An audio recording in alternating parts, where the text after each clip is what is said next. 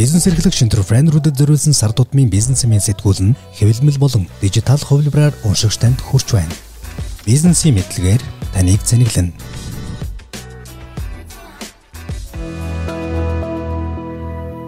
Сайн байцгаана уу? Бизнес цэнийг вебинарыг огтон зохион байгуулагддаг подкаст маань эхэлж байна.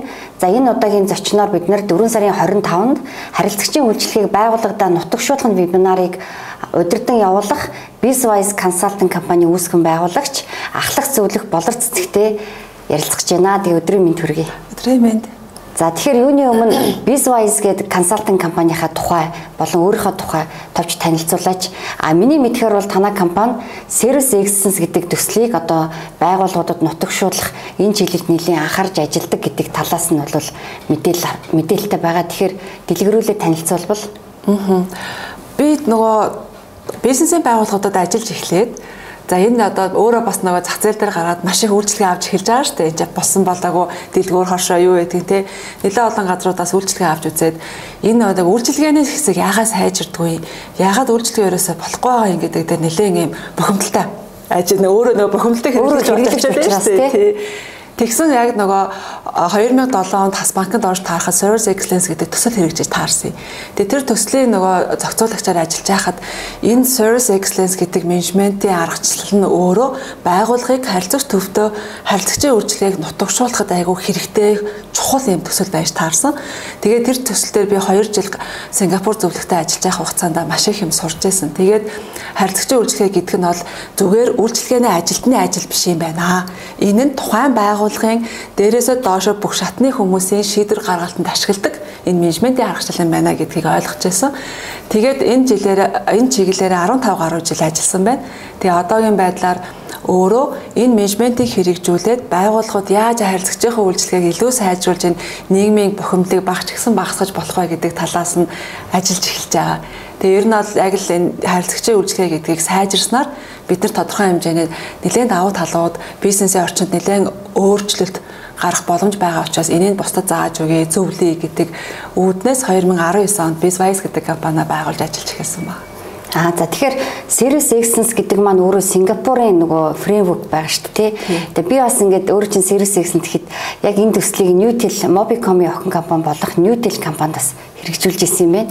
Тэгэхээр энэ өөрөө бол яг Сингапуртаа Сингапурын эдийн засгийг дэмжихэд маш их үнэтэй хувь нэмэр оруулсан ийм одоо фреймворк байдаг. Энийний дараа бизнес excellence гэдэг фреймворк нь бас гарсныг санаж байна. Тэгэхээр яг энэ төслийг одоо хас банкнаас гадна өөр Монголын ямар компаниудад одоо нутагшуулав гол нь энэ компаниудын сервис excellence гэдэг чинь одоо хэрэглэгч төвтэй менежмент гэж орчуулагдаад байна уу? А service excellence гэдэг нь бол үйлчилгээний төгөлдршил гэж орчуулагдаад байгаа юм. Монгол хэлээр орчуулсан тухайн үед орчуулж байсан хэллэг нь. За тэгээ service excellence гэдэг маань өөрөө харилцагч төвтэй буюу customer centric management хэрэгжүүлэхийн тулд байгууллага өөрөө ямар стандарттай байхын гэдэг стандартыг зааж байгаа юм. Одоо Сингапур стандарт болохоор нийт 58 үзүүлэлттэй. Удирдлагын чи ямар байх ёстой юм? Байгууллагын соёлоо яаж төлөвшүүлэх ёстой юм? Хүний нөөцөө яах ёстой юм? Харилцагч талаа юу хийх ёстой юм гэдэг 58 үзүүлэлт бүхий шаардлагын дагуу тэрийг одоо хийчих юм бол тэр харилцаа төвтэй менежмент гэдэг юмыг та юу хийж чадлаа гэдэг ерөнхий стандарт нь гэсэн үг. Тэгээ Service Excellence стандартыг ярихаар Сингапурт Сингапур Service Excellence стандарт гэж байгаа юм. А Европын холбооны улсуудад Европын холбооны Service Excellence стандарт гэж байдаг.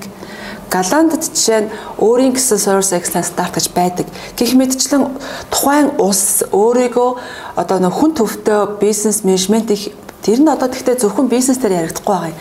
Төрийн хэмжээнд тэр нь яригддаг. Одоо Сингапурт гэхээр гэхэд Service Excellence-ийн төрийн байгууллага хариуцаад байгууллагуудаа үнэлээд явдаг ийм үйлчлэгийг үзүүлдэг. Бүр төр нь өөрөө бизнесийн байгууллагуудыг яаж хүн төвтэй байлгахгүй гэдэг дээр нь ярьдаг ийм стандарт байгаа байхгүй юу? Тэгээд энийг нөгөө нэг улс болгон одоо би жишээ нь Сингапур стандартыг танаа эрхийг аваад Монголын компаниудыг үнэлье гэхээр үгүй эн чинь орон нутгийн манай улсын стандарт учраас олон улсад хэрэгжихгүй гэдэг байр суурь илэрхийлж байгаа байхгүй. Тэгэхэд одоо сая 2010 2021 онд олон улсын ISO Service Excellence стандарт жишээ нь батлагдаад гараад ирж байгаа байхгүй. Тэгэхээр энэ маань хүн төвтэй менежментийг яаж байгууллагадаа нутагшуулах вэ гэдэг ийм стандарт гэсэн үг. Тийм тэгэхээр өөрөө чи яг би бас энэ сервис гэсэн төслийн нэг мэдээллийн одоо менежментийг хариуцах багийн ахлагчаараас ажиллаж ирсэн. Тэгэхээр харьцангуй бас нэг өөрөө чи яг аль өнцгөөс юг тайлбарлах гэж байгаа гэдэг нь маш сайн ойлгож байна. Тэгэхээр хэрэглэгчийн үйлчлэгээ те үйлчлэгээний төгөлдршил хэрэглэгч төвтэй менежмент гэдэг нь одоо ер нь бидний нийтлэг ойлгодгоор яг фронтод ажиллаж байгаа хүмүүсийн асуудал өрдөөсөө биш те. Энэ хүмүүсийг одоо яг нөгөө стандарт өмнөх одоо подкастаар хэрэглэгчийн үйлчлэгээний стандартуудыг яаж хэрэгжүүлэх вэ гэдгийн ард бид нар энийг нөгөө олон улсад хүлээн зөвшөөрөгдсөн онол болон одоо практикт үр дүн өгсөн аргачлалуудыг ашиглаад хэрэгжүүлж байгаа нэг хэлбэргээд ойлгочих болно тий.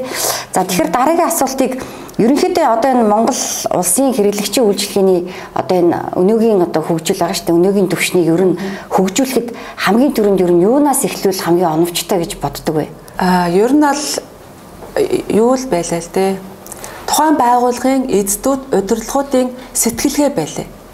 Одоо жишээ нь би хоёр анх нөгөө харилцагчийн үйлчлэгээ гэж яриад нөгөө back office дээр ажиллаж байхдаа салбарын үйлчлэгээний ажилтнуудыг яаж өвтэйхэн болгохгүй, яаж сургах уу гэж ажиллаж эхэлж байгаа байхгүй тэр чинь нөгөө хас банкнд байхад яг нөгөө зөвлөхийн зөвлөгөөтэйгөр Тэгэл ребрандинг хийгээл дөрөв товцоо янзлаад ингээ явж байхад тэнд нэг том сэтгэлгээ харагдсан байхгүй. Тэр нь ямар сэтгэлгээ гэхээр бүх ажилтнуудаа дөрөв тувцаа өмсүүлчихэд захирлаа энэ ямар байна гэд асууж дээ. Тэр тэгэхэд тэр захирал юу гэж хариулсан гэхээр буцаагаад асуултаар наадах чинь харилцагчдад гоё байгаа мó гэж асууж байгаа байхгүй. Энэ өөрөө яг харилцагч төв сэтгэлгээ.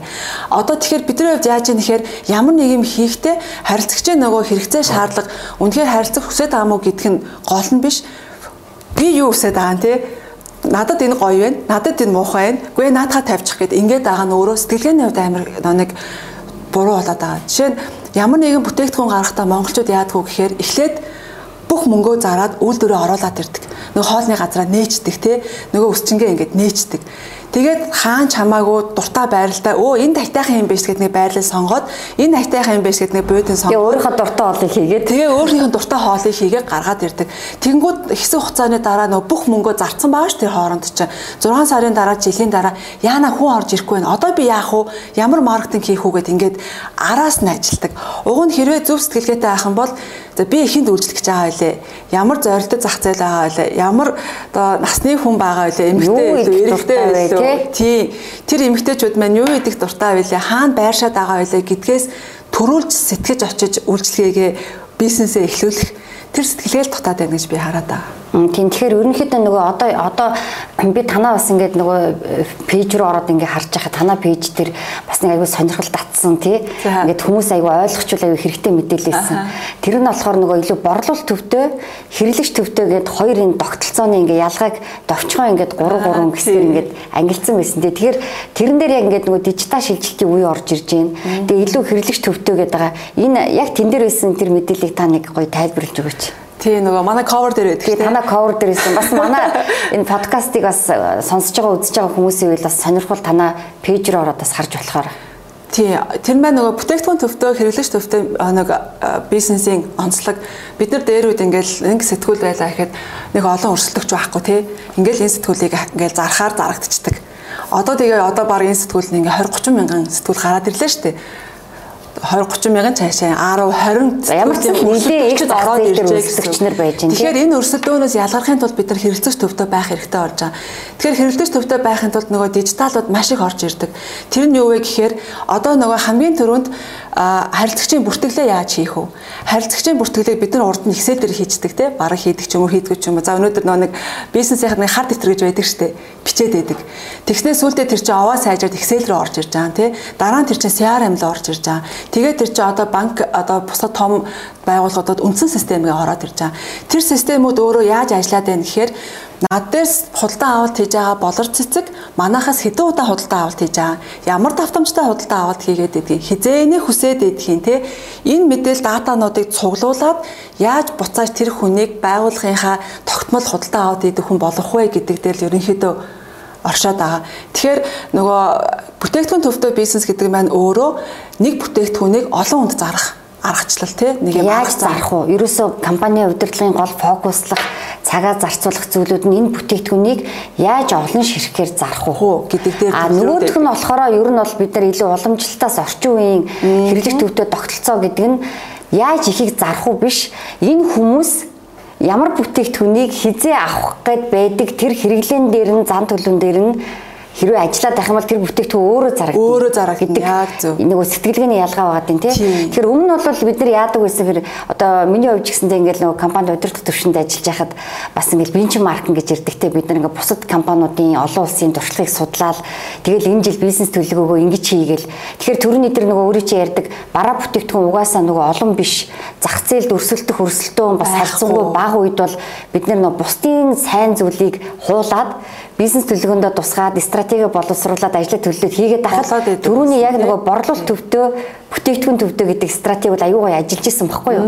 Тэгэхээр одоо бид тэр үед ажиллаж исэн энэ стратегийг өнөөдрийн тэ нөгөө дижитал шилжилт ер нь бол бизнесийн ч одоо э, зарчмыг маш хурдан хурдан өөрчилж байгаа учраас энэ шилжилтийн дижишийг хийхгүй бол нөгөө хуучин сэтгхүүгээрээ хуучин схемээр ажиллаад ах боломжгүй. Тэгэхээр бид нэр хэрэглэгч төвдөө менежмент гэдэг зүйлийг одоо удирдлагууд маань тодорхой хэмжээгээр ойлгоцсон мэдсэн байх хэрэгцээ шаардлага байж гэнэ гэж харж байна тий.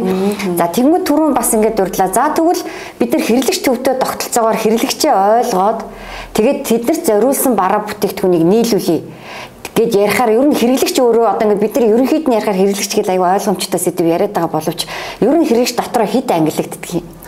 Энэ бас ангиллаас хамаарад хийх гэдэг ажил маань бас өөр болох бах тийм ээ. Яг зөв. Одоо харилцагч төвтэй бизнес ярихын тулд хэрэглэгч гэдэг эхлээд өөрөө ойлгох хэрэгтэй байгаа байхгүй юу? Жишээ нь би би нэг хүн те одоо танай компани намайг одоо эхлээд проспект буюу энэ хүн манай бүтээгдэхүүнийг худалдаа авах боломжит хүн байна гэ боломжит харилцагчид намайг нэг нэг хүнээр нэг хэрэглэгчийн бүлгээр тодорхойлно. За би тэнгууд нэг удаа анхны удаа худалдаа авалт хийж бол би шинэ харилцагч болно анх удаа худалдаа авалт хийж байгаа учраас за би танахаас 2 3 дахин худалдаа авалт хийгээд эхлэх юм бол би хуучин харилцагч болно. За хуучин харилцагч ямар давтамжтай яаж хийгээд байгаа нь те энэ болгоныг бүртгээд явж явах хэрэгтэй. За тэгсэн чинь нөгөө дахиад 5 дахь 3 дахь очиод 6 дахь очихоо үйлдэлсэн чинь танаа хүмүүс надад алдаа гаргачих байгаа байхгүй. Тэнгүүд би хэн болж хувирах вэ гэхээр гомцон харилцагч болоод хувирчих чаа. За гомцон харилцагч яах вэ? Та хэд гомцон харилцагчийн харилцааг сэргээх хэрэгтэй те. Дахиад болоод шийдвэрлэхин надад авчруулахын төлөө намайг тойролж нэг халамжлах хэрэгтэй болно шүү дээ. Хэрвээ намайг халамжилж чадахгүй бол би явлаа харилцагч болчих. Би яваад яваад танаа дээр ирэхгүй. А хэрвээ миний асуудлыг шийдээд сайхан болгоод за энэ хүн би за за танах миний асуудлыг шийдсэн учраас би танахаас үргэлжлүүлъя гэд 10 дахь 11 дахь Дээрээс нь би нөхрийгөө, найзыгаа өө та нар энд очиж үйлчлүүлээч ээ. Энд чи яста гоё газар штэ гэж хэлж байгаа бол би танаа үн харилцагч болчихж байгаа байхгүй. Тэгэхээр намайг үн харилцагч болохын тулд намайг бүх талаас нь судлах хэрэгцээтэй байгааз миний нөгөө амьдралын нөгөө лайфстайл гэж яадаг те амьдралын хэм маяг, амьдралын нөгөө behavior энд болгоныг надад зориулж танаа байгуулга тэр их систем ашиглана гэдэг нь ер нь бол зүгээр тэр харилцагчийг бүртгээд тайлан боловсруулад одоо судалгааны асуумжуудыг бий болгоод датан дээр ажиллах боломжийг бүрдүүлж байгаа тэр нэг түүл багаж зэвсэг байгаа байхгүй? Тэр багаж зэвсгийг яаж ашиглаад намайг таних вэ гэдэг л өөрөө энэ харилцаг төвтэй бизнесийн хамгийн том Тэгэхээр уламжлалт байдлаар хэрвээ тэр компанид процесс явж байгаа бол одоо энэ таних гэдэг процессыг ямар ч боломжгүй байх нь боломжгүй. Одоо нөгөө багаж хэрэгсэл байхгүй бол бид нар яаж байшин барих вэ гэдэгтэй. Адилхан. Тэгэхээр сая өөрөө бодог хідэн дөрдч ба хэд 7 болчих 8 болчих. Проспект шин хуучин алдсан гомдсон лоялти гэ 6 За тэгэхээр хэрэглэгч маань ерөнхийдөө 6 ангилалт ангиллагдах нь. За тэгэхээр хэрэглэгч өөрөө 6 төрлийн ангиллалт хэрвээ ангиллагдж байгаа юм бол компани хэрэглэгч гэдэг одоо тэр нөгөө өөрийнхөө одоо үнэт одоо баг нэгдэлтэй хөрөнгө юм уу те. Ингээд зориулсан үйл ажиллагаа явуулахдаа энэ 6 өөр чиглэлээр бас явуулахаар харагдаад байна. Тэгэхээр одоо гомцон хэрэглэгчээр арай өөр үйл ажиллагаа тэнд явна тийм. Тэр хэрэглэгчийн гомдлыг нь яаж шийдвэрлэх юм, эргээгээд яаж сэтгэл гамжтай болгохын ч юм уу. За түрүүний өөрөө чи ярьдаг нэг удаа худалдаа авалт хийгээд ороод ирлээ ш шинэ хэрэглэгч. Тэгэхээр энэ хүнийг яаж хуучин болгох вэ гэхээр энэ болгон дээр хийх гээд байгаа нөгөө байгууллагуудын маань ажлууд нь өөр өөр болж эхлэх юм. Жишээлх юм бол таны хувьд одоо яг тийм лоял хэрэглэгчийг одоо хэрхэн үүсгэж исэн тийм туршлага байна. Одоо таны ажиллаж исэн төслүүд дээр ч юм уу тий. Эсвэл та өөрөө нэг компанид бас яг нэг эхэлж хэрэглчээд илүү ингээ үнэн хэрэглэгч нь болж исэн ч гэдэм ингээ туршлагаасаа хуваалцвал туршлага гэвэл зөндөө байна байна. Би тэгээд нөгөө ажиллаж исэн байгууллагуудаа бас нууцалдаг учраас байгууллагын жишээг шууд ярих надад бас боломжгүй байгаад байдгийг. Тэгэхээр зөвөр өөр тохиолдсон нэг жишээг ярьж өгье. Би нөгөө нэг эмгтэй хүн юм чинь гоо сайхан хэлгэрүүдээр аягүй их ордог байхгүй юу? Тэгээ гоо сайхан хэлгэрүүдээр орохоор эхлээд намайг ороход би анх удаа орж байгаа шүү дээ. Тэгээд дэлгүрт аягүй гоё үйлчилчин. Тэ? Өөс та энд гоё юм бүтээдэг энд бүтээдэг хүн гэл. Тэгэхээр надад нөгөө худалдаа авагчийг зан төлөөрнөөс дөрөв төрөнд дөрөв хам төрөлд хуваадаг байхгүй юу? Би бол харилцаа төвтэй хүн, харилцаа сууртай хүн. Надад гоё харилцаад, надад тайлбарлаж өгөөд ингээд байвал би хэдэн төрөгч байсан хамаагүй хөөрөөл баярлаа. За юм аваа юм авъя гэлтэх юм тий. А зарим өөр нэг төрлийн худалдаа авагч нь бол дандаа үнийг хямдралд итэрхий мэдрэг хүмүүс байдаг. Юм авахдаа заавал хямдрал байгаа мó асууж авдаг хүмүүс байдаг байхгүй юу? Би бол тийм төрлийн хүн биш. Би бол харилцаа сууртай. Надад гоё л харилцаатай байвал би өгчдөг хүн байхгүй. Тэгэнгүүт тэр хүн эхлээд дэлгүүр эхлээд намайг ороход айгүй гоё үйлчилж чаа. За окей ямар гоё юмстай марга. Тэгээ би сарын дараа дахиад орсон чинь ямар процесс явагдах вөхөр нөгөө манай монголчуудын явуулдаг. Би ингээ үйлчлээд зогсож байсан чинь гаднаас хөө ороод ирэнгүүт аваа мартцсан. Аа.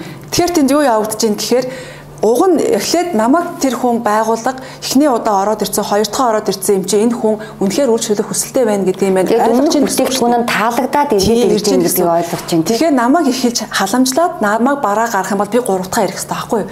Гэтэл намайг тоохгүй дахиад орж ирсэн хүнээ тоож байгаа учраас нөгөө харилцаа явагдааг учраас би дахиж орохгүй байх жишээ нь. За 3 дахь орлоо 4 дахь орлоо яг ихний удаа гоё таалагдсан учраас би надад орох хүсэл байгаад байна шүү дээ. Гэтэл 2 дахь орлоо 3 дахь орлоо тэр мэдрэмжийг би дахиж авахгүй байгаа учраас би дахиж тийшээ ормооргүй санагдаад орхоо болчихж байгаа. Энэ бол ерөөсөө харилцагчийг лоялти болгож байгаа бүр хамгийн тод жишээ байгаа байхгүй юу? Тэгэхээр ерөнхийдөө э, миний ойлгосноор бас ингэж тайлбарж болох юм шиг санагдлаа. За эхлээд чи шинээр орж явахдаа бол ямар нэгэн хүлээлт байхгүй ч юм уу те. Эхлээд ямар ч сан тэр газар л ороод үйлчлүүлчлээ. За тэгсэн чинь маш их таалагдлаа те. Таалагддаг дараагийн удаа ороход чамд яг бид эдийн нөгөө ярьдаг үйлчилгээний нөгөө customer experience чинь ингээ үүссэн гэсэн. Тэгэхээр чи яг тэр хүлээлтээ тэгээд дараагийн удаа орлоо. За тэгэхээр тэрнээс доогуур байвал нөгөө wow impact гэж бид нэр ярьдаг. Бүр ингээд нөгөө сэтгэл хамч чинь бүр ингээд сайжраад дахиад дараагийн удаа орно. Гэтэл яг тэр төвшөндөө байх юм бол ер нь бол стандарт хангагдаад ерөөдөө сэтгэл ханамжтай тий. Тэгэхээр манай нөгөө өөрөө чинь ярианы юунаас харахаар нөгөө байгаа нөгөө стандарта дараагийн удаа ингээд хадгалж чадахгүй нэг юм хэлбэлзээд ивэл тэгээ нэг удаагийнхаа ингээд худалдаа авалт хийсэн үнэ дараагийн удаа хадгална гэдэг нь нөгөө стандарта жигд барих асуудлууд яригадаад тийм тий. Яг тэр нөгөө хүлээлттэй айл хэдийн үүсгэсэн учраас а муу хүлээлт үүсгэсэн бол угаасаа дахиж орж ирэхгүй. Тийм хүлээлтийг даваагүй бол угаасаа дахиж орж ирэхгүй л дээ. А стандарт гэхээсээ илүү тэрэнд юу хэрэгжээд байна гэхээр нөгөө харилцагчийг таних асуудал яригадаад байгаа байхгүй юу? Хэрвээ тэр байгууллага CRM системтэй байсан бол магадгүй намайг 2 дахь 3 дахь орж иж байгааг таньж чадна шүү дээ. А гэтэл тэр байгууллагын хүн нөгөө тэр ол магадгүй олон хүн үйлчлүүлдэг байх л да. Тэгээ тэр хооронд намайг таньж чадахгүй байгаа байхгүй? Тийм учраас намайг дахин орж ирж байгаа 2 дахь 3 дахь орж ирж байгаа гэдгийг мэдгүй учраас намайг алдаад байна гэсэн үг. За 4 сард бид нэр харилцагчийн үйлчлэгээ сэдвийн хүрээнд ер нь зочин одоо вебинарыг удирдан явуулах одоо зөвлөхүүдтэйгээ ярилцж байгаа. Тэгээд зөвлөх болгоны өвөнд энэ CRM гэдэг тий Тэгэд нилийн хэд удаа ингээл ярилцлага болгонд урдагдаад байна. Нөгөө талдаа бид нар ер нь хэрэглэгч төвдөд одоо тогтолцоо руу шилжиж байна. Энэ дижитал шилжилттэй, дижитал эрен үетэй уялдж байгаа гэдээ ингээд ерөнхийдөө ярьж байна. Тэгэхээр зэрэг байгууллагууд одоо энэ уламжил тогтолцооноос хэрэглэгч төвдөд тогтолцоо руу шилжихэд хит хитэн алхмуудыг бас үе шатуудыг дамжин хийгдэх бас хэрэгцээ шаардлага байдаг. Тэгэхээр та зөвлөвч яг аль үе шатыг одоо эхний эхний одоо үе одоо төслийн эхний үе гэж үзэх юм бол дотроо ер нь яг товчхондоо яг ийм ийм юм үе шаттайгаар хийвэл одоо удирдлагуудад илүү одоо дижитал шилжилтийг байгууллагатай хоногшуулахад өгөөжтэй байдгаа гэж зөвлөгөө өгвөл. Аха. Дижитал шилжилт гэд ярихаар одоо харьцах төвдөө бизнес хийх гэж байгаа бол дижитал энэ систем програмыг ашиглахгүйгээр бүр хаашаач явж чадахгүй байгаа байхгүй юу За харьцаг төвтэй менежмент гэж ярихаар нэгдүгээр бид нар харилцагчийн бүртгэл харилцагчаа бүртгэхийн тулд тэр CRM систем хэрэг болоод байгаа. Тэнгүүд харилцагчаа нэгэн л одоо Эрдэнэ овто болор цэцгээ бүртгээд эхэлжлээ ш тийм үү. Тэнгүүд систем ард бид нар нөгөө хар дэвтэр дээрээ өдөрт 1000 төгрөгөөр нэг амьс 2000 төгрөгөөр 3 амьс гэж бүртгэдэг байсан бол болор цэцэг нэг амьсыг тэдэн сарын тэдэнд тэзээ авсан хоёр дахь тэгж авсан байна, гурав дахь тэгж авсан байна. Систем тайлан гаргаад ирдэг. Тэр тайлангийн дагуу мэдээлэл боловсруулад буюу нөө датан дээрээ ажиллаад дахиж ямар сайжруулалт хийх үү гэдэг тэр үндсэн тэр боломжийг өөрөө систем олгоод байгаа байхгүй юу. За нөгөө талдаа бас нэг системүүд орж ирнэ. Нөгөө үндсэн систем байгаа нь ажилтнуудын систем, ажилтны бүртгэл. Одоо бид нар цагийг бүртгэл энэ төргээ яриад байна шүү дээ. Давхар нөгөө сургалтын системүүд гээд за нэг ERP-нууд орж ирнэ. ERP-нууд орж ирнэ, сургалтын системүүд орж ирнэ, тэ санхүүгийн системүүд. Тэр чинь бүгдээрээ нөгөө тухайн байгууллагын ажлыг хөнгөвчлөх тэгээд нөгөө автоматжуулах одоо бид нар нөгөө дээр нөгөө нэг цаасан дээр байх үед шүү дээ. Юу харилцагчийг хүлээлгэхтэй, харилцагчийн үйлчилгээ нөгөө хурдцтай үйлчлэх гэж юм байхгүй хүн суртал гэж ярьдаг байсан шүү дээ. Тэр болгон хүн суртал хаанаас үүсэж ийн гэхээр тухайн ажлыг хийгээд байгаа ажилтан өөрөө маш их юм гараараа хийгээд байгаагаас үүсээд байгаа байхгүй. Айгүй удаашраад. Тэгэхээр тэр болгоныг зохицуулж байгаа юм өөрөө систем. Тэгэхээр хамгийн эхний үе шат юу байх ёстой вэ гэхээр энэ системүүдийн холбоо хамаарлыг байгууллагын удирдлагууд өөрсдөө айгүй сайн ойлгосон байх ёстой. Ойлгочоод аль хэсэг дээр нь аль системийг ашиглах уу? Ажилтнаа яаж сургах уу? Одоо ажилтнуудыг ер нь танхимаар сургах явдал багасчлаа шүү дээ. Дандаа нөгөө тренинг менежмент систем ч юм уу те learning management систем гэдэг онлайн сургалтын системүүдээр сургалт ажилтнаа сургадаг болж байна. Шинэ ажилтнаа, хуучин ажилтнаа. Тэгэхээр харилцагчийн бүртгэл байгаа бол ажилтны бүртгэл байна, санхүүгийн бүртгэл байна. Энэ болгон системүүдийн холбоо хамаарлыг ойлгож нутагшуулах нь амар чухал. Тэгэхээр нөгөө аяндаа нөгөө харилцагчийн үйлчлэгээ талаасаа харах юм бол байгууллага ямар ч хүн сурталх уу хурдан намайг хурдан таньдаг, хурдан эргэлддэг ийм л болж эхэлж байгаа гэсэн. Нөгөө талдаа байгууллага өөрөө дахиад зардлаа оновчилчих юм байна тий. Тэгэхээр хамгийн эхний шат бол удирдлага өөрөө ямар системийг ямар үйл ажиллагаанд ашиглах юм. Мэдээж энэ дэлхий дээр төгс төгөлдөр бүгдийг чаддаг систем гэж байхгүй. Тэгэхээр зэрэг э, одоо систем сонголтын асуудлаас манай бизнесийнхэнд бас их хүндрэлтэй гэдэг юм шиг байгаа. Нөгөө түр өөрөө чинь дурджсэн гэдэг CRM гэл энэ бүтээгдэхүүн чинь бас маш их биш үү тийм ингээд маш олон компаниудын CRM системийг ингээд зах зээл нийлүүлж байна. Тэгэхээр энэ дундаас манай компани онцлог тохироод алиг нь би авах юм бэ те энэ систем биднэрт ямар давуу талыг авчрах юм бэ гэдгээ удирдлага ойлгох юм бэ те удирдлага гэдэг нэг үгийг аюулсан ярьлаа. Тэрс удирдлага ингээд хин нэгэнд үүрэг даалгавар өгөөд чи нэг судалж чи ойлго гэдээ бас хайчихгүй юм байна Манад нэг иймэрхүү үед аюу төгөөмөл гардаг штеп. За нэг даалгавар өгөөл өөрөө юу ч заа чи судлаараа гэдэг ихэвчлэн одоо надтай шил IT-ийн прожект менежерүүд аюу тааралж ирсэн байхгүй юу. Тэгэхээр нөгөө талдаа IT бол арай өөр. Тэгэхээр миний зүгээр өөрөө юу гэж хардаг вэ? Өөрөөс чинь бас би энэ асуултыг асуумаар. Миний хувьд болохоор ер нь энэ CRM нэвтрүүлтийг илүү хэрэглэгчийн үйлчлэгийн хариуцсан менежер захирал илүү бизнес талын удирдлагууд эхлээд судлуул илүү нэг зөв систем олж авах юм болоо гэж боддог. Тэгэхээр IT-ийн хүмүүс нь судлал зүгээр гэдэг юм уу? Эсвэл яг саяны миний дурддаг нь хэрэглэгчийн үйлчилгээ талаасаа яг ашиглах гээд байгаа тэр хэсгээсээ судлах юм уу? Энэ дээр нэг юм жоохон бас янз бүрийн ойлголт байдаг. Өөрөө чи хувьд яг аль талаас нь зөвлөх вэ? Би нөгөө IT-ийн төслүүд дээр нэлээд ажиллаж байсан. Тэгэхээр ер нь аль аль нь чухал. Хоёулаа 50 50% та орж ирнэ. Бизнесийн удирдлага болон тэр нөгөө бизнесээ одоо шаардлага business requirement гэж ярьдаг тийм бизнесийн шаардлага бизнесийн шаардлага гэдэг байгаа зүйлийг байгууллага тал нь өөрөө маш сайн босруулж гаргах хэрэгтэй. Тэр өөрөө 50%. Тэр шаардлагыг ойлгоод систем болгож хөрвүүлэх гэдэг IT-гийнхэн бас маш сайн тэр нөгөө системийнхэн боломжуудыг хэлж өгөх ёстой. IT-ийн тал бизнес талаасаа бол бизнесийнхаа нөгөө IT-ийн боломжуудыг мэдгүй учраас мөрөөдлөө бичээд өгчдөг байхгүй юу? Тэр мөрөөдлийг нь IT-ийн тал нь эн чин ийм байх хэвээр. Манайх энийг чадна, энийг чадахгүй, танах энийг ийм болгочих гээд энэ хоёр уулзж тэр систем явна уу гэхээс аль нэг нь төрүүлж ажиллаад энэ бол явахгүй. Тэгэхээр бизнес шаардлагыг маш зөв өгөх хэвээр. Нөгөө талаасаа бизнес шаардлагыг нөгөө IT-ийн боломж руу маш сайн хөрвүүлж чаддаг байх хэвээр. За тэгэхээр нэгдүгээр алхам бол ер нь систем сонголт талаасаа тэрнийхээ ач холбогдлыг аюулсаа ойлгох юм байна. Тэгэхээр хоёрдугаар алхам мэдээж нөгөө нутагшуулах асуудал тий яг одоо авлаа. За худалдаж авлаа. Энэ бол нэг удаагийн ажил тий төсвөө зарцууллаа, худалдаж авлаа. Тэгэхээр тэр компанид нутагшна гэдэг нь өөрөө тодорхой бас цаг хугацааг даван туулна тийм ээ. Тэгэхээр өөрөө чи хувьд одоо нэлээд хид хідэн CRM одоо системийг бас компаниудад нутагжуул нутагжуулчихсан туршлага байгаа шүү дээ. Тэгэхээр энэ дээр манайхан яг юун дээр анхаарах одоо хоёрдугаар алхам биш үү? За яг нутагшаад их хэллээ. Энэ дээр ингээл яг жижиг жижиг асуудлууд үүсч эхлэн тий. Тэгэхээр энэ тал дээр зөвлөгөө Ой их сонирхолтой шүү дээ. Би ч одоо баг CRM нэвтрүүлэгч болж байгаа шүү дээ. Яг нөгөө э, юу гэдэг яг энийг нутагшихад юу яг ингээд хэлэхэд юу вэ гэхээр тухайн удирдлагын багийнхны систем дээр ажиллах чадвар гэдэг. Тэгэхээр хүний нөөцийн чадвахаас бас хамаарч байна тий. Тэр систем дээр ингээд бүх юм нь оруулаад өгч байгаа байхгүй юу? Гэтэл нөгөө бид нар нөгөө Facebook-ыг босон болоог ухсаар агаа сураад ашигсаар агаа сурцсан байдаг шиг тэр системийг нэг бүчлэн ороод нөгөө модул э, бүл болгоноор нь ашиглаж сурна гэдэг нь Тэгээд тэр удирдлага тэрийг ашиглаж сураад удирдлага тэр дээр бичих юмаа бичээд удирдлага тэр тэрүүгээрээ ажилтнуудаа шахажээж тэр систем хэрэгждэг. А манай нэг байгууллагууд донд нэг алдаа байдаг штэ. Систем оруулчаад нөгөөдөө ашиглаж чадахгүй эн чинь хэрэггүй юм байна гэж хайчаад байдаг те. Энэ ерөөсөө удирдлага тэрийг ашиглаад тэрнийхээ дагуу хүмүүсээ шахаад тэрнийхээ дагуу тайлан гаргахгүй байгааг нь л асуудал байна. Тэгэхээр ерөөсөө тэр систем дээр ажиллах нэг юм дадал хэрэгтэй. А шууд систем рүү ороод тэрэн дээрээ бүртгээ тэрүүгээрээ явчихсан нэг тийм Тэгэхээр би бол өөртөө чинь маш их санал нэгтэй байна л да. Тийм. Ер нь бол яг ингээд альва шин юм тийм ээ. Тэр нь одоо за юу ч хийж болно шүү дээ. Альва шин тогтолцоо байгууллагад орохдоо илүү удирдлага нь өөрөө илүү манлайлаад удирдлага өөрийнхөө өдөр тутмын ажил тэрийг хөвшүүлж ээж тэр өөрөө ингээд байгууллага доошоо явдаг. За тэгэхээр ингээд нөгөө бас э, ингээд мэдээж аюу олон байгууллагатай яг CRM нэвтрүүлтийн хүрээнд жишээл манай компани ажиллаж байгаа.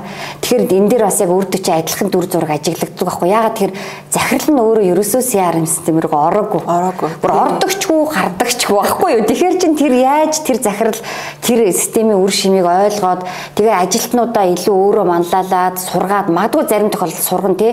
Та нар энийг чадахгүй ний чи ингээд ингээ хийхээр өвөө чинь энд гарч ийн гэд ингээд тийм сургалтын процесс өөрөө удирдлагаасаа ихэж доошо бух ийм байдлууд дээр манай дээр яг захирлуудаа үнэхээр айгүй дутагдaltaа. Энийг бүр ингээ яг хэлмээр байна л да. Яагаад бүр энэ дээр ингээд бас санаа зовдөг одоо энэ чиглэлийн одоо хэрэглэгчийн үйлчлэгийн салбарт үйл ажиллагаа явуулж байгаа одоо компанийн хувьд санаа зовж байгаа асуудал гэхээр ингээд удирдлага нь өөрөө харахгүй болохоор нөгөө хийх гээд мэрийгээд байгаа нөгөө ажилтнуудаа бас дэмжлэх тал нь бас байхгүй болчдөг. А нөгөө талдаа эн чинь өөрөө шин юм орж байгаа учраас нөгөө ажилтнууд маань өөрсдөө тодорхой хэмжээний хяналттай, тэрэн сургалттай, тэгээд мотивацтай явж явах хэвээр. Энэ өөрөө цалин үлс рүү уяад ирвэл бүр гоё болдог тий. Яг хүний нөгөө карманы мөнгөтэй яриад эхлэхээр нөгөө систем нь аюу гоё ингээ бууж ирдэг. За тэгэхээр хоёулыг нөгөө бас энэ энэ подкастын маань ихэнхдээ бас удирдлагууд бизнес эрхлэгчид маань бас сонсдог байгаа. Тэгэхээр зэрэг нэгдүгээр алхам бол за системийн худалдаа тавьчих юм байна. Хоёрдугаарт нь нутагшуулчих юм байна. Тэгэхээр гурав дахь алхам нь гэхээр зүгээр миний одоо өөрөө бол нэлээ ингэж мэрэгцсэн байгаа шүү дээ. Миний хараад байгаагаар болохоор За одоо энийг яг яаж ашиглаж нөгөө үн цэний бүтээхийн те? Нэг ашиглаад сурчлаа штэ. Тэгэхээр тэн дотор байгаа түрүүний ярьдаг нөгөө хэрэглэгчийн дата, датан дээр суурилсан удирдлагын шийдвэр гаргалт гээд яг нөгөө ашиглалт тал нь илүү ороод эхэлнэ гэсэн үг. Энэ дээр тэгэхээр та бас ингээд тулгараад идэг асуудлуудыг хэрхэн шийдэх үү гэдэг дээр асуудал шийдлийн ингээд хамт нэг 2 3 жишээ дурдж өгвөл. Би нөгөө нөгөө нэг гоо сахны компаниудаар үйлчлүүлж байхад миний нэрийг аваад үлддгийн миний утасны бүртгэлийг авдгийн араас нь юу ч ирдэггүй тэр дата ашигладаг юм уу ашигладаг юм би мэдэхгүй байгаа хгүй а манай нэг олон улсын сургалтууд дээр ярьдаг нэг жишээг ярьж өгье л да нэг эмэгтэй хүн гэрийнхэн хажуудлын хүнсний дэлгүүрээс сар болгон ариун цэрэг авдаг тэгээ сар болгон ариун цэрэг авч жагаад нэг жил 2 жил амьдарч жагаад байраа солиод нүүсэн юм байна л да. Тэгэхээр нөгөө дэлгүүрээрээ үйлчлэхэ болж штэ. Тэгээд өөр газарт очиод өөр дэлгүүр үйлчлүүлээ явсан чинь 3 сарын дараа нөгөө хуучин үйлчлүүлээсэн дэлгүүрээс нь жирэмсний 3 сартаа бүтээгдэхүүнийг санал болгож эхэлж байгаа байхгүй юу? Энэ бол ерөөсөө энэ харилцагч төвтэй систем, үйл ажиллагаа процесс бүр маш тодорхой явж байгаа гэд.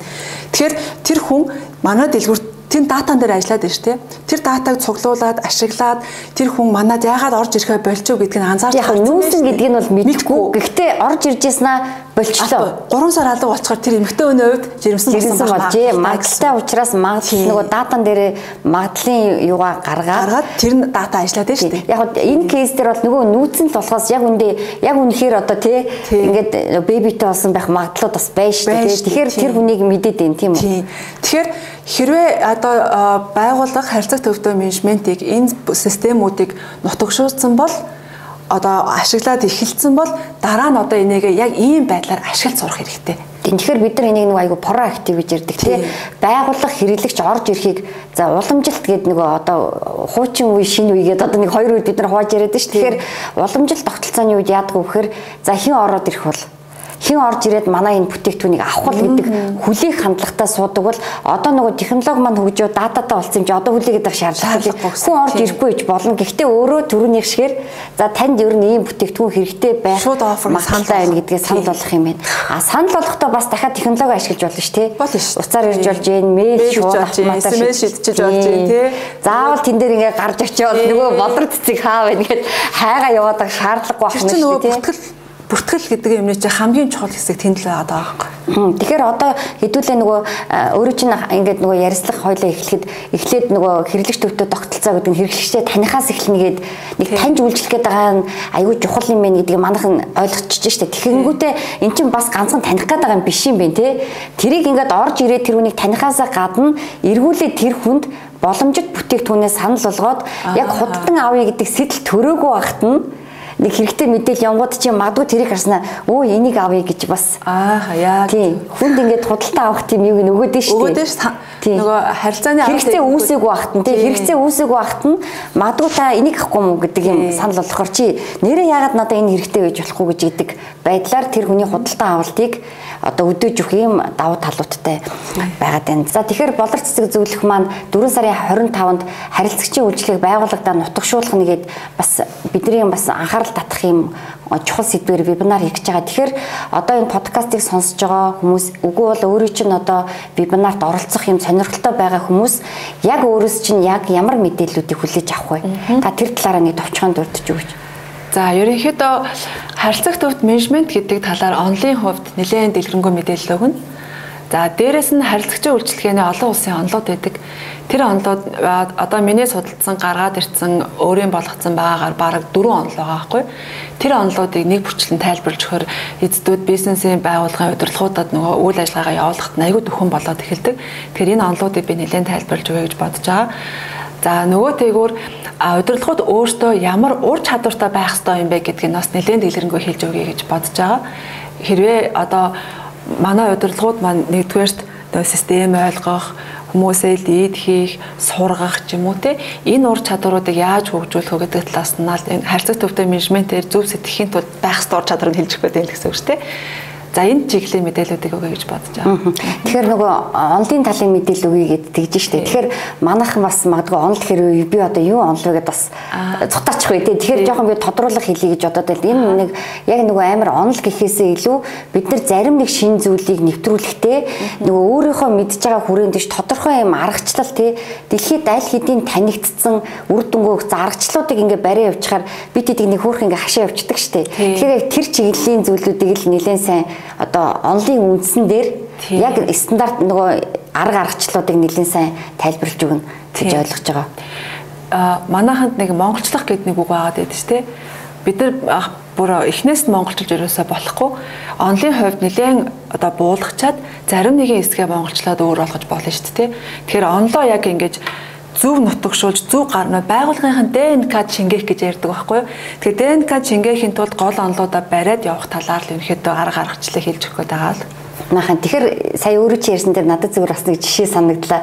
Нөгөө монголчлох гэдэг нь монголчууд болохоор ямар нэгэн электрон бараач юм авах та ерөөсө зааврыг харж уншдаггүй дээ. Одоо бид нар ч гэсэндээ ерөнхийдөө нэг хим маяг нь ингээ зааврыг харж уншихоор шууд залгаал шууд хэрэглээл те. Тэгэл асуудал үүсгэр нь За эн чин заавран дээрээ юу гэсэн бэлээ, яасан бэлээ гэдэг юм хандлага бол өмнөх үед нэлээд байсан шүү дээ. Тэгэхээр яг саяны нөгөө хэрэглэгч төв тогтолцоог нэвтрүүлэх чи яг л нэг юм зан төлөв дээр за ер нь хийгээд үзье гэж явчих нь шүү дээ. Тэгээд болохгүй ингээл нэг л нөгөө бас одоо зөвлөхүүдийн ярьдгаар нөгөө компанид нутагшихгүй сая өөрөө чи ярьдаг ДНК-д нь ерөөсөө сууж өгөхгүй ингээд дахаар одоо яах вүлээгээд мэрэгжлийн хүнд ханддаг ч юм уу эсвэл мэрэгжлийн ном уншдаг ч юм уу тэрлэг орох гэдэг. Мөнгө зарцныхаа араас харамсах. Араас харамсах гэдэг. Тэгэхээр таны одоо энэ вебинар болвол а яг эхлэх үед нь зөв зэгцтэй мэдээлэл олж авчаад тэр арга аргачлал тэр онлын мэдгэдэггүүнтэйгээрээ одоо ингээд ухтаа илэлдэ гарах юм бол нөгөө бизнес эрхлэгчийн маань эрсдлээс хамгаалах гэдэг нь илүү хурдан нөгөө ургацсан аваад өгөж аваад явах тэр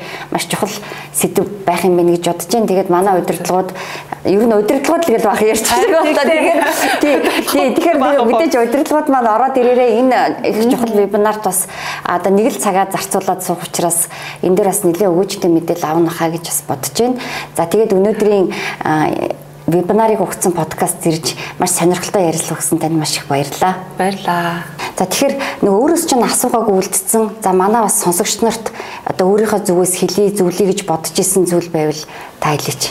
Миний нөгөө сууж исэн олон улсын сургалтууд манай нэг зөвлөх багш биднэрт нэг жишээ авч хэлж өгч байсан. Тэр нь юу вэ гэхээр олон улсын хэмжээнд одоо нэлээд одоо алдар алдартай болцсон компаниуд жишээлбэл Facebook, Google, Amazon гэдэг компаниуд яагаад дэлхийд тэргүүлэгч болсон юм бэ гэдэг асуултанд хүмүүс юу гэж хариулдгүү гэхээр дижитал шижилтийг маш сайн хийсэн учраас одоо дэлхийд тэргүүлэгч болсон юм а гэж хэлдэгэ. А тэрийг бол би 100% үгүйсэх нь А яагаад шилдэг болсон бэ гэхээр тэр компаниуд харилцагч төвдөө сэтгэлгээг маш сайн ашиглаад тэр дижитал руу хөрвүүлж оруулж ирээд дэлхийн номер 1 болсон юм а гэж хэлдэг. Тэгэхээр одоогийн бизнесийн орчинд өөрөө дижитал шилжилтийг давхар нөгөө нэг зөв хэрэглэгчийн хэрэгцээ шаардлага тий процесс тэр болгонд оруулж ирж чадах юм бол тэр өөрөө маш зөв бизнес төвтэй хүн төвтэй бизнес хүн төвтэй удирдлага болж чадна гэж хэлсэн байдаг. Тэгэхээр бизнес эрхлэгчид маань муу адил энэ сэтгэлгээгээр энэ дижиталыг ашиглаад энэ тогтолцоог ашиглаад бизнесээ томруулах боломж байгаа шүү гэж хэлмээр. 4 сарын 25-нд Хэрэглэгчийн үйлчлэгээр байгууллагадаа нутагшуулах нь вебинарын талаар дэлгэрэнгүй мэдээлэл авахыг хүсвэл та бүхэн доорх линкээр мэдээлэл авах боломжтой. За тэгээд 4 сард харилцагчийн үйлчлэгээ сэдвийн хүрээнд вебинарууд маань зохион байгуулагдаж ер нь дуусж जैन. Тэгээд энэ удаа бол миний зочин хөтлөгчөөр хөтлсөн хамгийн сүүлийн дугаар байлаа. Тэгээд өмнөх зочдуудаа ярилцж байхад ер нь энэ хэрэглэгчийн үйлчлэгээ гэдэг энэ салбарт байгууллагууд маань илүү амжилт гарах, илүү энэ салбарт өөрийнхөө чадварыг хөгжүүлэхэд хит хитэн зүйлүүдийг анхаарах ёстой гэдэг нь урагдж оролцсон одоо зочдууд зөвлөхүүдээс нэлээх гарч илаа. Тэгээд нэн төрөнд CRM гэдэг зүйлийг хэрэглэгчийн дата тий хэрэглэгчийн датаар дээр тулгуурласан шийдвэр гаргалт борлуулалт гэдэг зүйлүүдийг баг манай ихэнх зөвлөхүүдэд урдж जैन. Тэгэхээр өнөөдөр бизнесүүд маань дижитал орчинд өөрийнхөө бизнесийг хөгжүүлэхэд зөв технологио сонгоод нутагшуулахдаа та өөрөө илүү манлайлаад илүү ажилтнуудаа дэмжлэг үзүүлээд эргээд энэ үн цэнийг компанид авчрах ийм чухал хүн нь өөрөө бизнес эрхлэгч өөрөө удирдлага байд юм байна гэдгийг энэ дөрвөн сард зохион байгуулагдсан подкастуудаас одоо мэдээлэл авсан гэж бол найдаж байна. Тэгээд дөрвөн сарын зочин хөтлөгчөөр саран тийм миний бие ажиллаа. Тэгээ та бүхэн маань 5 дугаар сард подкастуудаа үргэлжлүүлэн үзээрэй. Бизнес эрхлэгч энтерпренерүүдэд зориулсан сар тутмын бизнесмен сэтгүүл нь хэвлэмэл болон дижитал хувилбараар уншигч танд хүрч байна. Бизнесийн мэдлэгээр таныг цэнэглэнэ